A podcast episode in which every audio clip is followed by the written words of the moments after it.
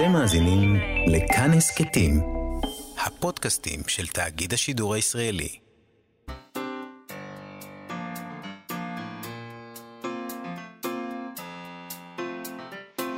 מה שכרוך עם יובל אביבי ומה יעשה לה. שלום, צהריים טובים, אנחנו מה שכרוך, מגזין הספרות היומי בכאן תרבות, מאיה סלע ויובל אביבי ב-104.9 ו-105.3 FM. איתנו באולפן היום שלומי יצחק וחיים טוויטו שעושים איתנו את התוכנית, ושלום לך יובל אביבי.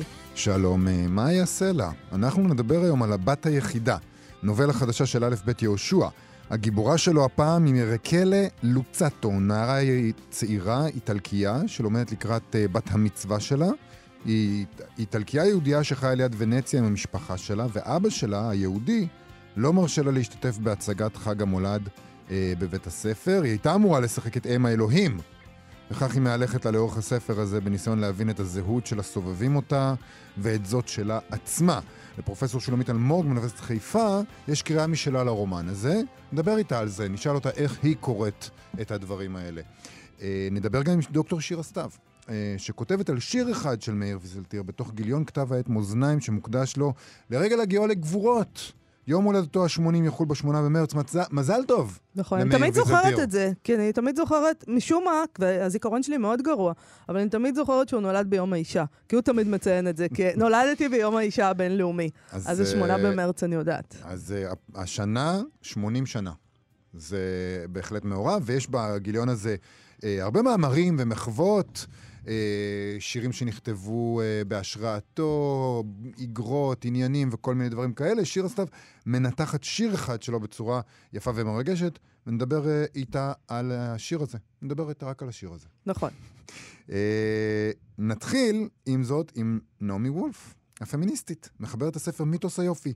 שאם תהיה פעם רשימה של הרגעים הכי מביכים של 20 השנה הראשונות של האלף השני, הריאיון שלה עם ה-BBC יהיה בפנים, כמעט בוודאות. זה היה אחד הרגעים המביכים שעדיף לנסות לשכוח, אבל הנה, כל האירוע שב אלינו. נכון, המבוכה נמשכת. אז נזכיר רק למי שלא זוכר, שבחודש מאי 2019, כשעמד לצאת ספר חדש שלה, Outrageous Sex Censorship and the Criminalization of Love, היא התראיינה עבור ה-BBC. אה, על הספר הזה. הוא תואר כספר שמפנה זרקור לסיפ... לסיפור דרמטי ונעלם בהיסטוריה הגאה. Uh, הוא מספר כיצד חוק שחוקק באנגליה ב-1857 והגדיר הומוסקסואליות כעבירה, הוביל לעשרות תוצאות להורג של גברים שהואשמו בהומוסקסואליות, אז זה היה מין עניין. אנשים הוצאו להורג בגלל שהם הואשמו בהומוסקסואליות. זה חתיכת עניין. Uh, כן. היא בחנה בספר גם תיק ספציפי של נער בן 14 בשם תומאס סילבר, שהיא טענה שהוצא להורג בגלל שקיים יחסי מין עם גבר. הנער הורשע בעבירה של יחסים לא טבעיים והוצא להורג, זה מה שהיא כתבה. המראיין אז ב-BBC יושבת להתראיין אה, מול, אה, למרבה הצער, זאת אומרת צערה, מול היסטוריון. Uh, והוא אומר לה, אני לא חושב שאת צודקת בנוגע לזה, uh, ההיסטוריון מתיו סוויט. Uh, הסתבר שהיא השתמשה במונח מהמשפט האנגלי של המאה ה-19, uh, recorded death, death recorded, או recorded death, איך זה כן, הלך? death recorded. death recorded, סליחה. אז היא פירשה את המונח הזה כעונש מוות, נשמע ככה באנגלית שלנו, death recorded, אבל הסתבר שהמשמעות של המונח הזה הוא דווקא חנינה, בדיוק ההפך.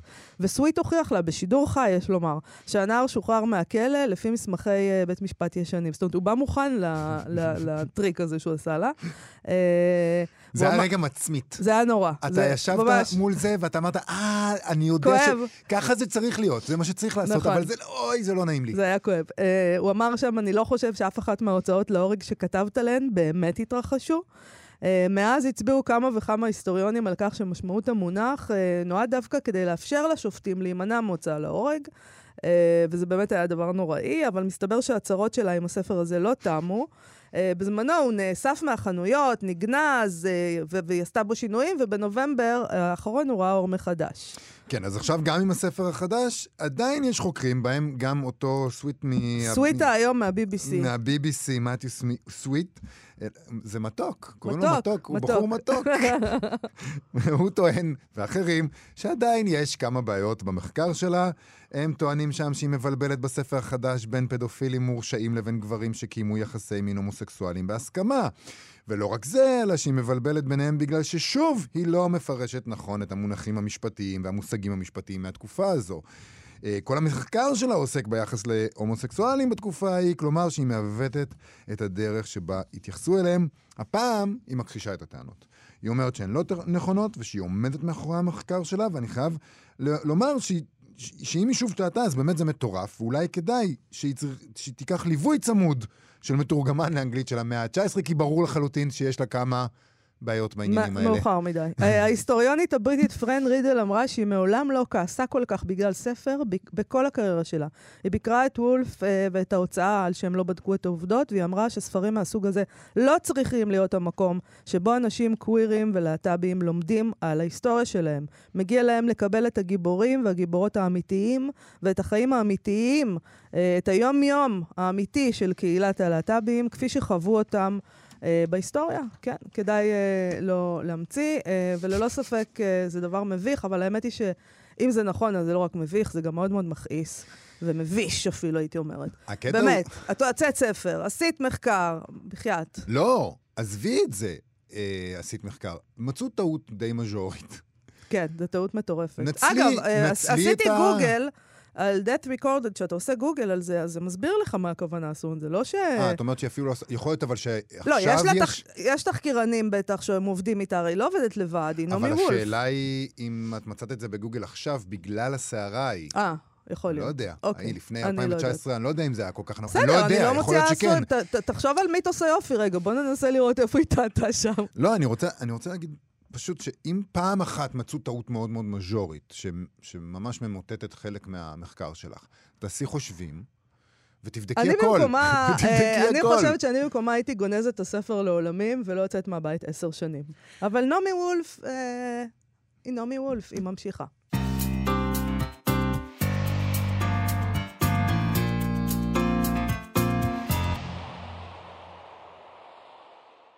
מה שכרוך בכאן תרבות, יובל אביבי ומאיה סלע, חזרנו. בספר האחרון, אה, הבת היחידה לוקח אותנו, א' ב' יהושע, זה ספר שיצא בספרייה החדשה של הקיבוץ המאוחד, לוקח אותנו א' ב' יהושע אה, לאיטליה. אל נערה בת 12, היא הגיבורה שלו, רקלה אה, לוצטו, אל בעיות הזהות שלה ושל היהודים, שזה בחירה מאוד מאוד שונה, הייתי אומרת, ומפתיעה. פרופסור שולמית אלמוג מהפקולטה למשפטים באוניברסיטת חיפה, היא גם יועצת הנשיא לקידום הוגנות מגדרית ומנהלת משותפת של הפורום למשפט, מגדר ומדיניות חברתית. ואנחנו בוחרים לדבר דווקא איתה על הספר הזה. שלום לפרופסור שולמית אלמוג. שלום. אז, אז תג... פרופסור אלמוג, זה, זה בעצם, תתקני אותי אם אני טועה, אני מרגישה שזה לא דבר של מה בכך, שא' ב' יהושע לוקח לעצמו גיבורה נערה. שהיא הגיבורה, ודרך העיניים שלה אנחנו מסתכלים על המציאות ועל השאלות של הזהות. אני חושבת שאת לא טועה, מאיה. אצל אה, א' ב' יהושע, אני חושבת שזה די נדיר, אה, אם אני זוכרת נכון, אה, במר מאני יש דמות של נערה, mm-hmm. נכון? אחת, אחת הדמויות, אבל זה חריג למדי אצל יהושע. וכאן הנערה, בת ה-12 כמעט, רקל אלוצטו, היא הגיבורה, היא הגיבורה של הספר. נכון, ו... הכל סובב סביבה, ואנחנו רואים את המציאות אה, דרך העיניים שלה. היא מנסה להבין את העולם. דרך התודעה שלה, נכון, ואנחנו, אה, לפחות אה, אני, אה, פגשתי כאן אה, דמות אה, מרהיבה, דמות מושכת ביותר. אז ספרי... זה, כן. זה לא נורא מסוכן? אה, הרי בימינו אומרים... תכתוב על מה שאתה יודע, תכתוב על מה שאתה... אתה לא יכול לכתוב, לבנים לא יכולים לכתוב מנקודת המבט של שחורים. אה, אשכנזים, כדאי שייזהרו כשהם כותבים מנקודת המבט של מזרחים. גברים מאוד מאוד צריכים להיזהר כשהם כותבים מנקודת המבט של נשים. זה משחק מסוכן בימינו. אבל אה, זאת ילדה. על, על אחת כמה וכמה. על אחת כמה וכמה. על אחת כמה וכמה, okay. אוקיי. כן. אה, מבחינת הפוליטיקלי קורקט היום, האמת שזה מתקשר קצת למה ש... לנושא שדיברנו עליו אה, בשיחה הקודמת שלי איתכם, המשורר שלא נזהר. כן, נכון. הוא לא נזהר הרבה יותר מאלף בית יהושע. להבדיל. אה, נכון. אולי uh, מכל מיני סיבות uh, של פרקטיקה, וכדי uh, לא להסתבך עם... Uh, קשה, קשה להם לדמיין אפילו עם מי צריך להיזהר, אבל uh, אני חושבת שיהושע הצליח כאן uh, לצלוח בשלום, אפילו בהצלחה מרהיבה, כל מכשול אפשרי שאפשר היה להעלות uh, על הדעת. קשה לי לדמיין שיהיה אפשר להאשים אותו בחטא כלשהו של אי תקינות אה, בבחירה שלו אה, לייצג את אה, תודעתה של הנערה הזאת. אבל עדיין, ו... אני רוצה לשאול אותך, למרות שהשאלה אולי mm-hmm. צריכה להיות מופנית אליו, אבל בכל זאת, כן. אולי יש לך איזו מחשבה על זה. למשל, אני, אני תוהה למה הוא בחר לכתוב על ילדה אה, בת 12, כמעט בת מצווה. למשל, למה לא על נער, כמעט בר מצווה? למה, למה בת? תראי, יכולות להיות המון סיבות שהתשובה היא בגדר, אה, הייתי אומרת, של טריוויה.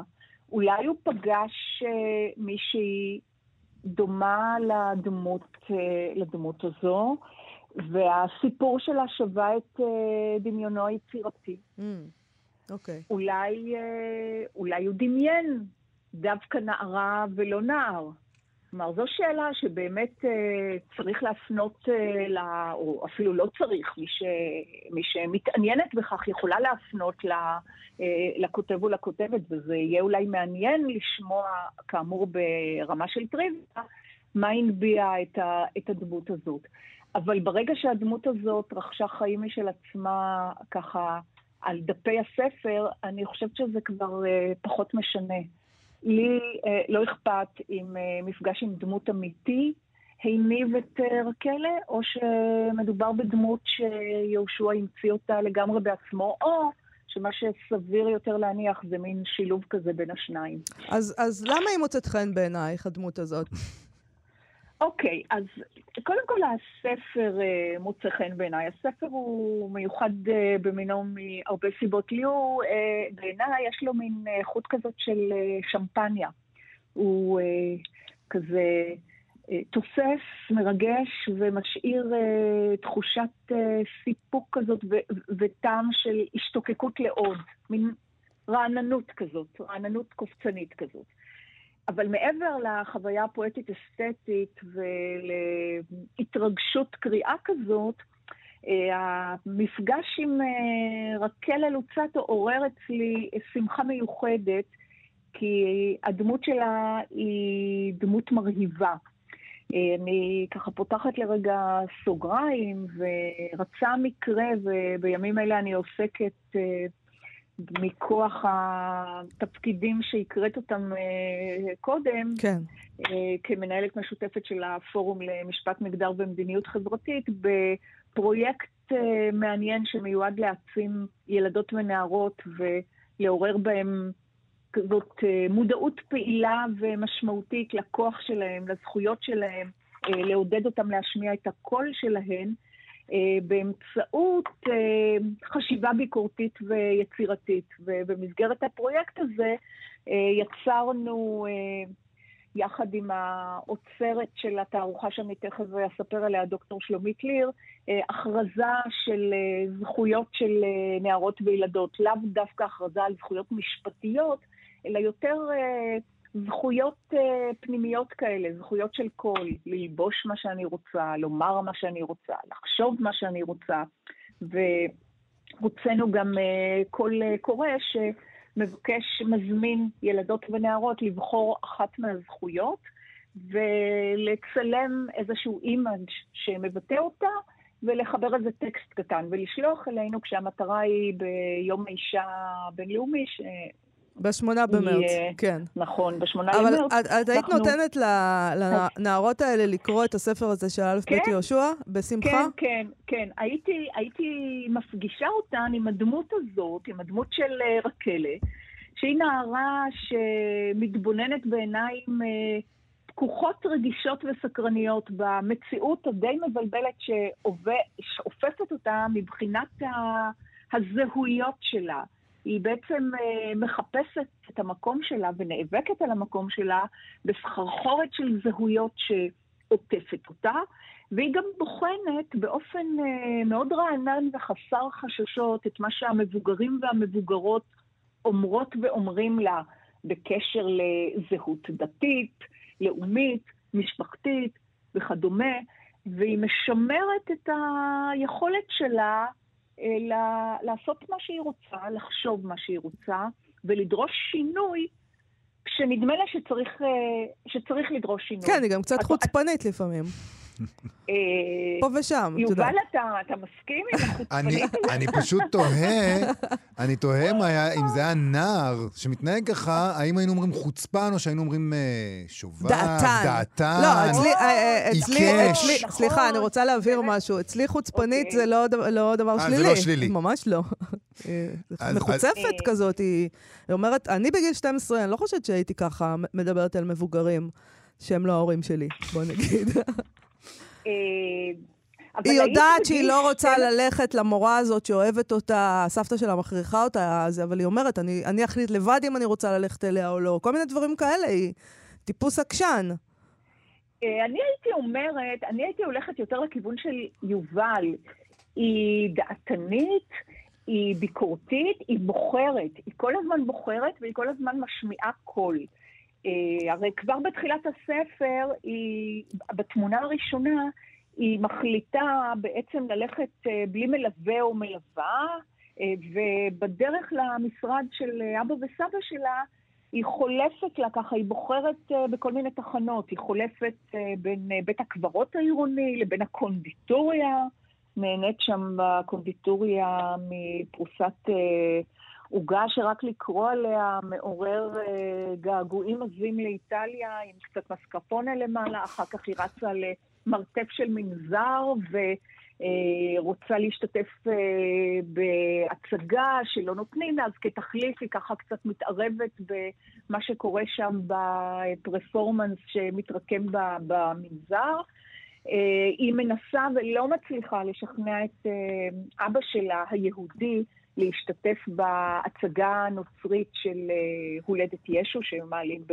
נכון, היא הייתה אמורה להיות בת האלוהים, והוא לא מסכים.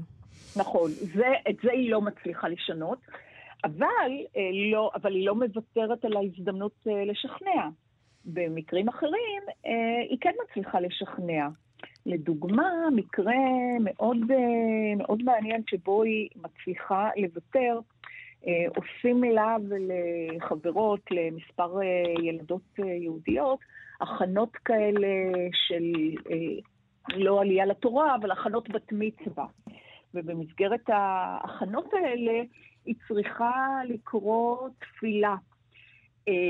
המורה, הרב שנשלח מישראל, מלמד תפילה, ואז רקלה עוצרת את מהלך השיעור ובמה שבעצם אה, מתיישב עם מה שהציעה מאיה, אה, בולי כותב לנו בעזות פנים, בעזות פנים של נכדה יחידה בת טובים, היא ממש תובעת מהרב לא אה, לשנות את נוסח הברכה והתפילה, לא לנקוט בנוסח שמעליב את מי שאינם יהודים, אלא אה, לשנות את הנוסח כך שהוא לא יהיה, לא יהיה פוגעני, שלא יהיה בו שלא יהיה בו עלבון ועוינות, אה, לכתוב, בר...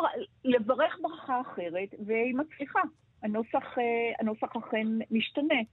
היא גם לא מוכנה שהסבתא היהודייה שלה תקרא לסבא ולסבתא שהם לא יהודים, אה, גויים. אה, לגבי הסוגיה למשל של הכשרות, אז היא מהרהרת ככה, היא נראה לה בסדר אה, להסכים לכלל שעד גיל הבת מצווה לא לאכול, אה, לא לאכול אה, טריפה. אבל אחר כך היא אומרת, אחרי בת המצווה, נראה לה שכל אחד תחליט לפי מצפונה. אני רוצה לסיום לשאול על עוד נקודה אחת, לגבי uh, מה שהילדה הזאת, רקל, רוצה לעשות mm-hmm. שהיא תהיה גדולה. כי יופי, בעצם... יופי שאת שואלת אותי על זה. אז זהו, אז, אז זה קשור גם לעיסוק שלך בספרות ומשפט, uh, ואת, uh, יש פה שופטת שהיא פוגשת. אה, נכון, נכון. זאת נקודה מאוד מעניינת, וזה כן קשור למשהו, לתמה יותר אה, נפוצה בכתיבה של יהושע. נראה לי שיהושע מאוד נמשך בכל מיני אופנים לעיסוק המשפטי, לפרופסיה המשפטית, וגם לאישה שופטת. אה, אישה כשופטת מופיעה בכמה וכמה יצירות אצלו. וכאן הגיבורה רוצה להיות שופטת. זאת ילדה שרוצה להיות uh, שופטת. Uh, הילדה uh, מגיעה מרקע משפחתי של עורכי דין. אבא שלה וסבא שלה הם בעלים של משרד מצליח, כנראה משגשג לעריכת דין, אבל רקלה לא רוצה להיות עורכת דין, אבל רוצה להיות שופטת. זה מוזכר כמה פעמים לאורך הספר, הרצון הזה של רקלה, וממש לקראת הסוף היא פוגשת שופטת. היא uh, הולכת לביקור בבית המשפט ופוגשת uh, שופטת שמשועשעת מהתקיפות של, ה, של הילדה הזאת. והשופטת uh, שואלת אותה, את רוצה להיות עורכת דין כמו אבא שלך, כמו סבא שלך? והיא עונה לה בתקיפות, לא, אני לא רוצה להיות, אני לא רוצה להיות עורכת דין, אני רוצה להיות כמוך, אני רוצה להיות שופטת. והבירור הקצר מתמשך, ואז רקלה אומרת לשופטת, אני רוצה להיות שופטת כי אני ארצה לשפוט את כל מי שזקוק לצדק. נכון. זה נכון. מאוד מצא חן בעיניי. זה יפה, אה, כמעט אה, הייתי אומרת שזה איזה מין תמימות כזאת של א' ב' יהושע. אה, אבל אה, תמימות נחמד. של זיהוי המשפט עם הצדק, נכון. אולי, אולי. דרך העיניים של בת 12, זה באמת אה, מה נכון. שמאפשר לו להיות קצת מה יותר תמים. שחלמנו, זה מה שחלמנו האמת שזה יהיה. היא שגם אני, שגם אני בעיניים של בת 12, אה, ראיתי בצורה מאוד אה, אוטופיסטית את הקשר של המשפט לצדק, אבל אה, אבל אני- אני התפכחת רוצה אולי כשלמדת לכם- את זה. אסור לוותר על זה. אסור לוותר אולי זה מה על שא' ב' השאיפה. יהושע רוצה להגיד לנו, שאסור לוותר על זה. נכון. על, על השאיפה הנאיבית, האוטופיסטית, המטופשת אולי לפעמים, אה, של קשר בין משפט לצדק, אבל באמת אסור לוותר על זה. פרופסור שולמית אלמוג מהפקולטה למשפטים באוניברסיטת חיפה, תודה רבה לך על השיחה הזאת, על הבת היחידה של א' ב' יהושע.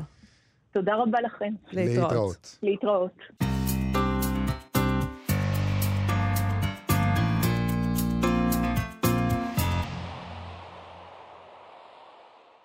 אנחנו מה שכרוך בכאן תרבות, מאיה סלע ויובל אביבי, חזרנו, אלה היו כנסיית השכל עם כך שירים, שזה שיר שכתב מאיר ויזלטיר, אה, לא מוקדש, גיליון פברואר של כתב העת מאזניים של אגודת הסופרים העבריים, אה, בחלקו הגדול. יש שם עוד דברים, אבל בחלקו הגדול זה בעצם חגיגה למשורר מאיר ויזלטיר, אחד המשוררים החשובים שכתבו אה, בעברית, והם חוגגים לו יום הולדת 80, אז חל עוד שלושה שבועות, אה, וזה המקום כבר להגיד לו, שוב, אמרנו בהתחלה, נגיד שוב, מזל טוב מאיר מוויזלטיר.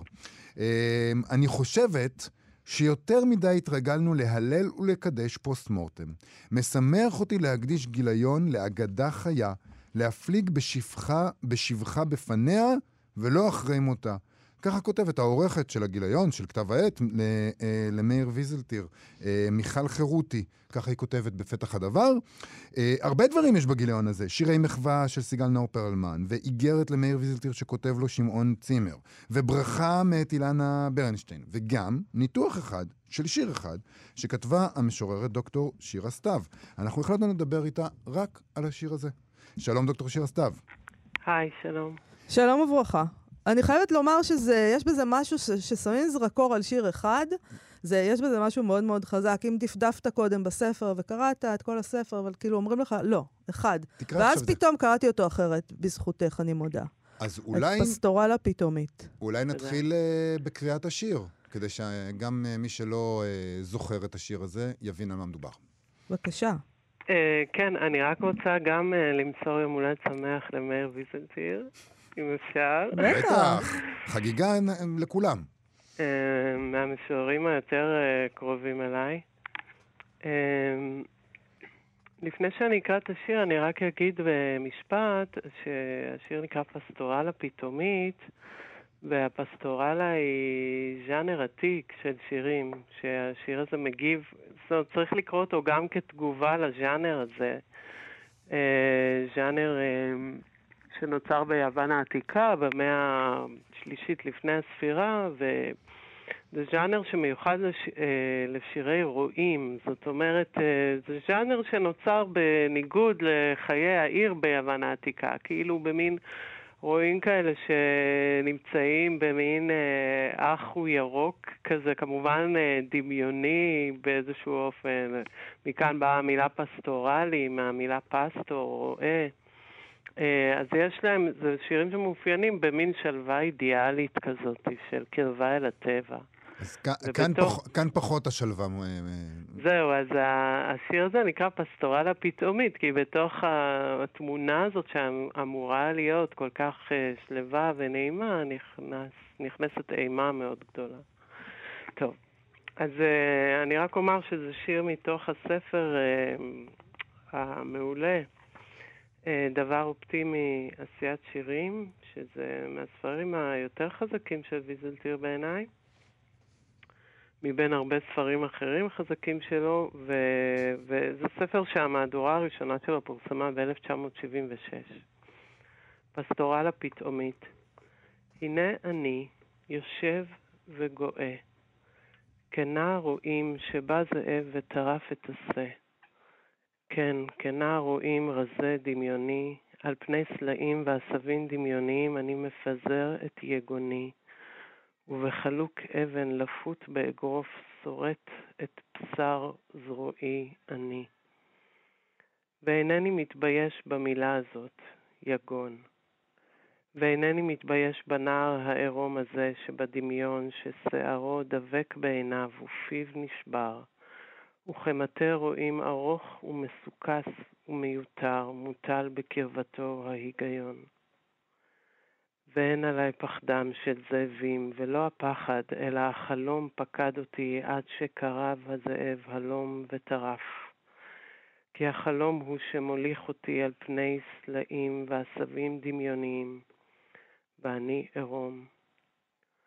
וכבחלום ראיתי את הזאב מתגחן מסביב לתלולית, ואת השה כופה על עומדו בארשת בעתה חלומית. וכבחלום ראיתי את הניבים הזעים ואת הריר הזב, ואת הריצוד הטרוט משני אברי הלוע המשורבב, ואת הגרון המשוסע, שלא יגליד עולמית, אבל בהקיץ את המומת, ובהקיץ את הממית. והאבלות אינה גואלת כלום. האסון חוזר ללב, הלב בלום. האסון מתדפק על הלב. כציפור תפוקה עולה הכאב למעוף אחרון. שמוטת גרון גואה ציפור הכאב, סובבת את לולית החיזיון, עד שתיפול.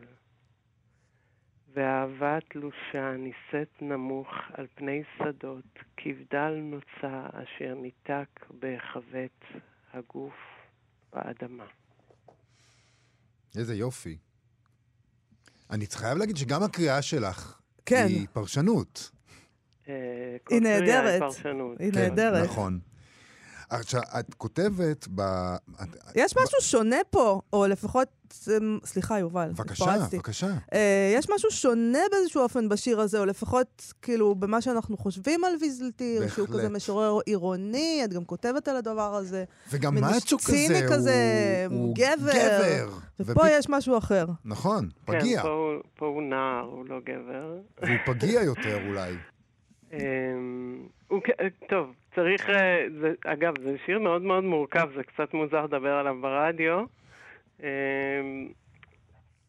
אז, אה, אז אה, צריך אה, להצטדק מראש שהדברים שנאמרים הם ככה רק אה, אה, איזה מין אה, גירוד כזה של. כמו שמגרדים לק בציפורן. נכון. אנחנו אמ, יודעות לעשות את זה. אה, אה, ואנחנו כמובן מפנים את כולם, אה, מוזמנים ללכת לכתב העת מאזניים ולקרוא את הטקסט נכון. כולו שכתבת, בהחלט. אנחנו כאן רק אה, נותנים איזה טעימה מזה. כן, לא, גם הטקסט שלי הוא לא יותר מגירוד אה, בציפורן, כי הש, השיר באמת, אה, זה שיר מאוד מאוד מסובך ומורכב. אבל, אה, אה, אבל כן, כש, יש כאן כמה דברים מאוד שונים מוויזלטיר באופן כללי, או לפחות חריגים, חריגים קצת. Uh, את הזכרת את העניין שזה לא מתרחש בנוף העירוני, שכל כך מזוהה, ו... ו, ו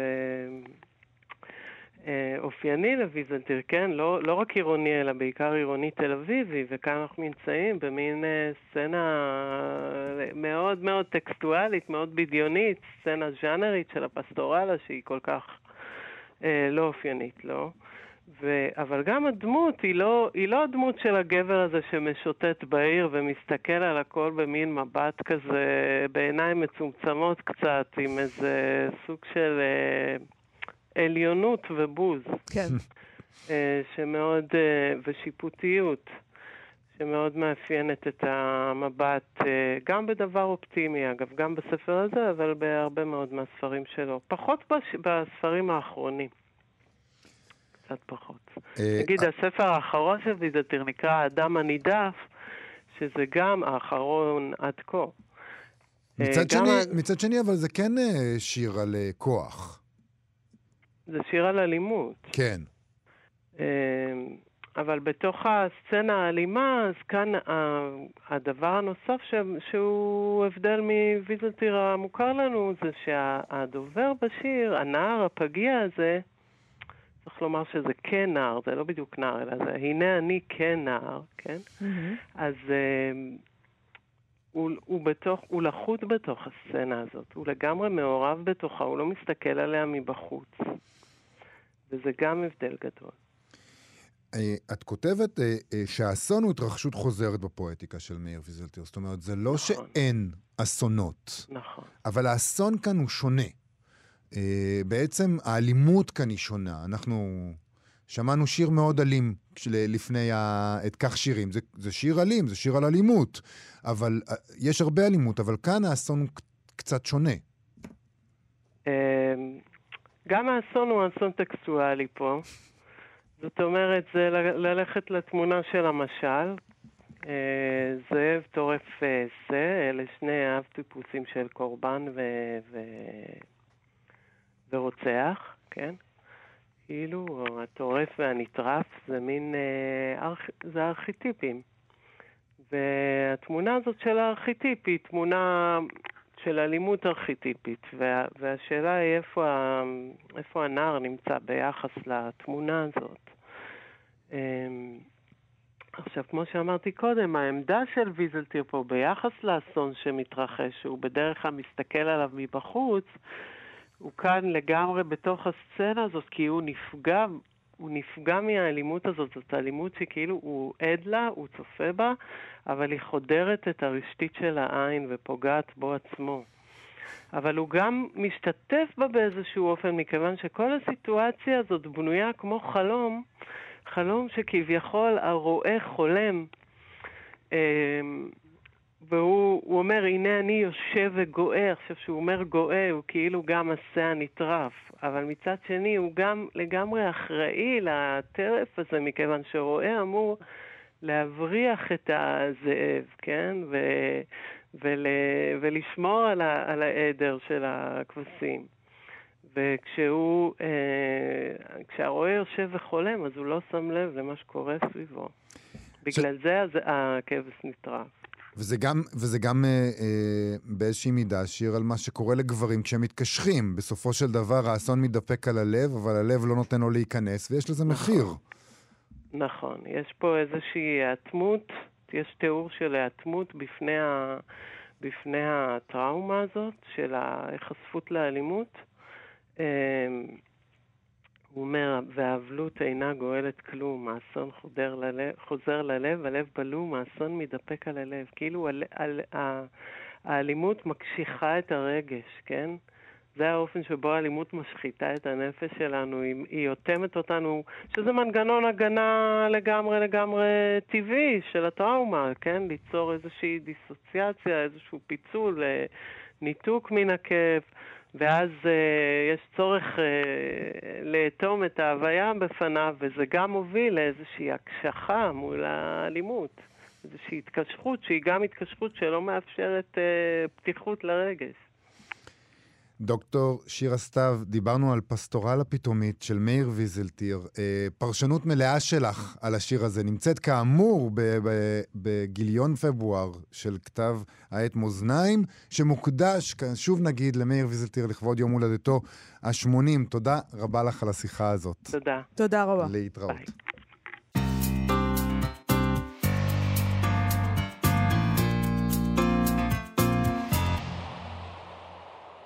מה שכרוך בכאן תרבות, חזרנו עם סטטוס ספרותי. יובל, דיברנו כאן כמה פעמים בעבר על מידת ההשפעה של ביקורות. אה, האם ביקורות טובות בעיתון יכולות לסייע למכירות של ספר? פעם זה היה ככה, אה, היום לא יודעת. אה, האם ביקורת שלילית יכולה לחרוץ את גורלו של ספר, אה, להישאר על מדפי חנויות הספרים?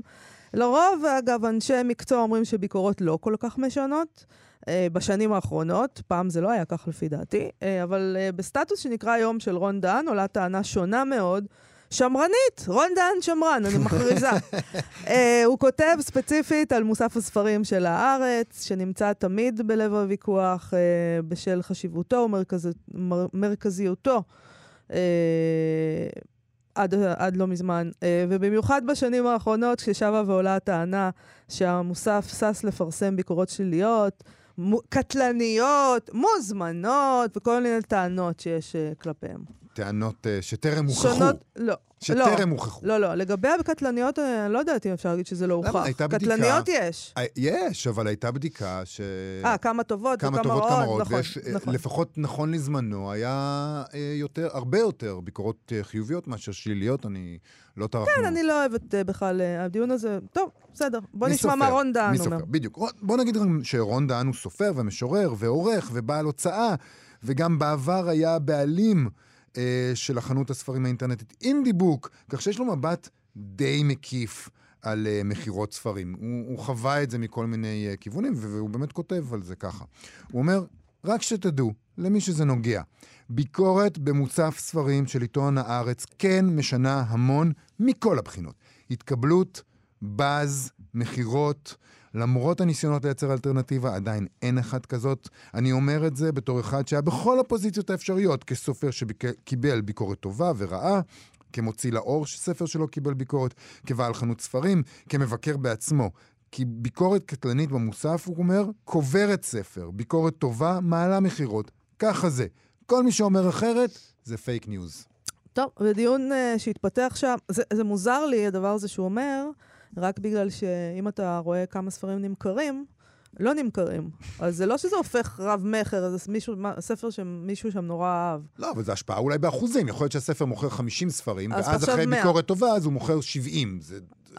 אה, כזה, אוקיי. זה יכול בדיון, להיות, באחוזים זה טוב. נכון, באחוז, באחוזים הרבה דברים טובים. בדיון שהתפתח שם כתבה המשוררת שירה כהן, אה, שהביקורת הטובה של אותם ראובני בארץ לא הועילה למכירות של הספר שלה, לא הביאה להזמנות לפסטיבלים, אבל היא מאוד שמחה אותה ועוזרת לה. להציג את עצמה כמשוררת רצינית שהתקבלה למרכז הספרותי. אה, גיורא פישר, המשורר, ענה לה, הביקורת הלא טובה של אותם ראובני על ספרי, מה למדת מהסיפור, לא הפריעה למכירות נפלאות של הספר, אולי בזכות ביקורת מצוינת של בקול סר לואי, שפורסמה שבוע לפני, לאחר מכן במקור ראשון. אני חושב שקוראי השירה מגיעים לספרי השירה דרך מקומות אחרים. העיתונאית אה, איה אליה, שעבדה בידיעות אחרונות, כתבה שם שככה, התחושה שלי בפנים, כשהייתי חלק מהמערכת בשבעה לילות, זה מוסף התרבות של ידיעות אחרונות, הייתה שהכוח שמייחסים לביקורת בעיתונים, במדור שלנו ובהארץ, לא מוצדקות. זאת אומרת, היא אומרת, זה לא משפיע. Uh, הסופרת uh, רוני גרוס לעומתה כתבה, במקרה של הארץ התשובה היא חד משמעית כן. מכירה מישהי שלא מזמן קיבלה ביקורת בארץ והמכירות נסקו. כנ"ל לגבי עוד ספר שסוכר שם, וכשחבר הלך לרכוש אותו בחנות ספרים, נאמר לו שבעקבות הביקורת אזלו העותקים, ויש רשימת המתנה של חודש שלם. היו להם שני עותקים והם אזלו. מה זה, שוב, עניין של אחוזים, כן? כן, בדיוק. אבל זה אוטופיה. מדהים. ממש מדהים. המכירות אוזלות, צריך לה... יש רשימות המתנה של חודש בישראל לספר מבוקש, אני באמת. זה, אתה מאמין? אני לא יודע, קשה אוקיי, לי. דוקטור מאיה גז כתבה שם, זה לא נכון, ביקורת טובה שם ממש לא מעלה מכירות, וביקורת גרועה לא מורידה מכירות. ועל כך ענה לרון דהן, בכל יום ראשון המכירות היו עולות לספרים שקיבלו ביקורות טובות. זה נכון גם לאתר עברית ולכל ההוצאות לאור שהייתי איתן בקשר מדי שבוע. לגבי קטילה, לצערי, גם זה נכון. שוב, יש מן הסתם יוצאי דופן בסופרים שחמקו שהתחמקו מגזר הדין, בייחוד הוותיקים, ויוסף כהן, מו"ל הוצאת עברית, אמר, נכון מאוד מאוד חלקית, רק לסוגות מסוימות. רוב המכירות בפועל הן של כותרים חביבים, שאין סיכוי שיזכו להתייחסות במוסף. רק לתקופות מסוימות של המוסף, זה נכון, ורק כאשר הטיימינג של הפרסום מתאים. ולא נאמר חצי שנה אחרי שספר יצא לשוק, כפי שקורה לא מעט. לפעמים גם שנה, אגב. הסופר uh, גבי ניצן גם השתתף בדיון שם, והוא כתב ככה: הנה fake news ממקור ראשון. בדולינה זכתה לכתף קפואה מהמבקרים. במוסף הספרים של הארץ הופיעה ביקורת מזלזלת שנכתבה על ידי מבקרת ספרי הילדים של המוסף, והיא בעיקר טעתה מי האידיוט שחושב שככה כותבים לילדים. בדולינה מכרה קרוב ל-300 אלף עותקים. זה באיזה עולם ישן כזה, שבו ספרים בארץ מכרו 300 גם בעולם הישן, בדולינה היה רב מכר לא, היסטרי. היסטרי, אבל היום זה בכלל, היום כן. אתה מוכר 5,000 עותקים וזה רב מכר. נכון. כאילו, 300 אבל אלף 300 עותקים. אלף, וואו. אה, מצד שני הוא כותב, אולי אתה צודק, מי יודע, אם הביקורת בארץ הייתה חיובית, אולי היו מתווספים לי עוד מינימום 40 קוראים. טוב, נראה לי שאנחנו נישאר עם ה... ניפרד עם המחלוקת הזאת. נכון. אה, אני חייב, אני חייב להגיד שלדעתי, לדעתי זה לא מאוד משפיע. אני, כמבקר אני אומר את זה, זה לא מאוד משפיע לדעתי. לא, אני גם, אני חשה כמוך, וישר אבל- אני רוצה לשנות את דעתי, כי אני לא רוצה לחוש כמוך. אז אני, לא יודעת, אם היו מעבירים. לנו נתונים, נתונים כאלה, הופה, או הופה, משהו כזה. נתונים אמיתיים, נתוני אמת, אנחנו לא מאמינים אם לאף אחד. אפשר היה סוף סוף לקבל ככה את הדוח של אה, צומת ספרים וסטימצקי, היינו יכולים לראות שבשבוע X נמכר כך וכך, ושבוע לפני כן נמכר כך, כך וכך, ובאמצע הייתה ביקורת חיובית או שלילית בהארץ, והיינו יודעים. היינו תמשיך יכולים לחלום, לדעת. תמשיך לחלום. זה זמננו לסיים, תודה רבה לשלומי יצחק וחיים טוויטו שעשו איתנו את התוכנית הזאת. אתם מוזמנים ומוזמנות לעמוד הפייסבוק שלנו ולעמוד הפייסבוק של כאן תרבות. אגב, בעמוד הפייסבוק שלנו העלינו לפני, איזה ש... לפני שעה קלה. אה, עוד, אה, אנחנו ממשיכים שם עם הנתוני מצעד הספרים, אז אה, אנחנו מזמינים אתכם ללכת ולראות מה מצאנו שם. להתראות. להתראות. אתם מאזינים לכאן הסכתים, הפודקאסטים של תאגיד השידור הישראלי.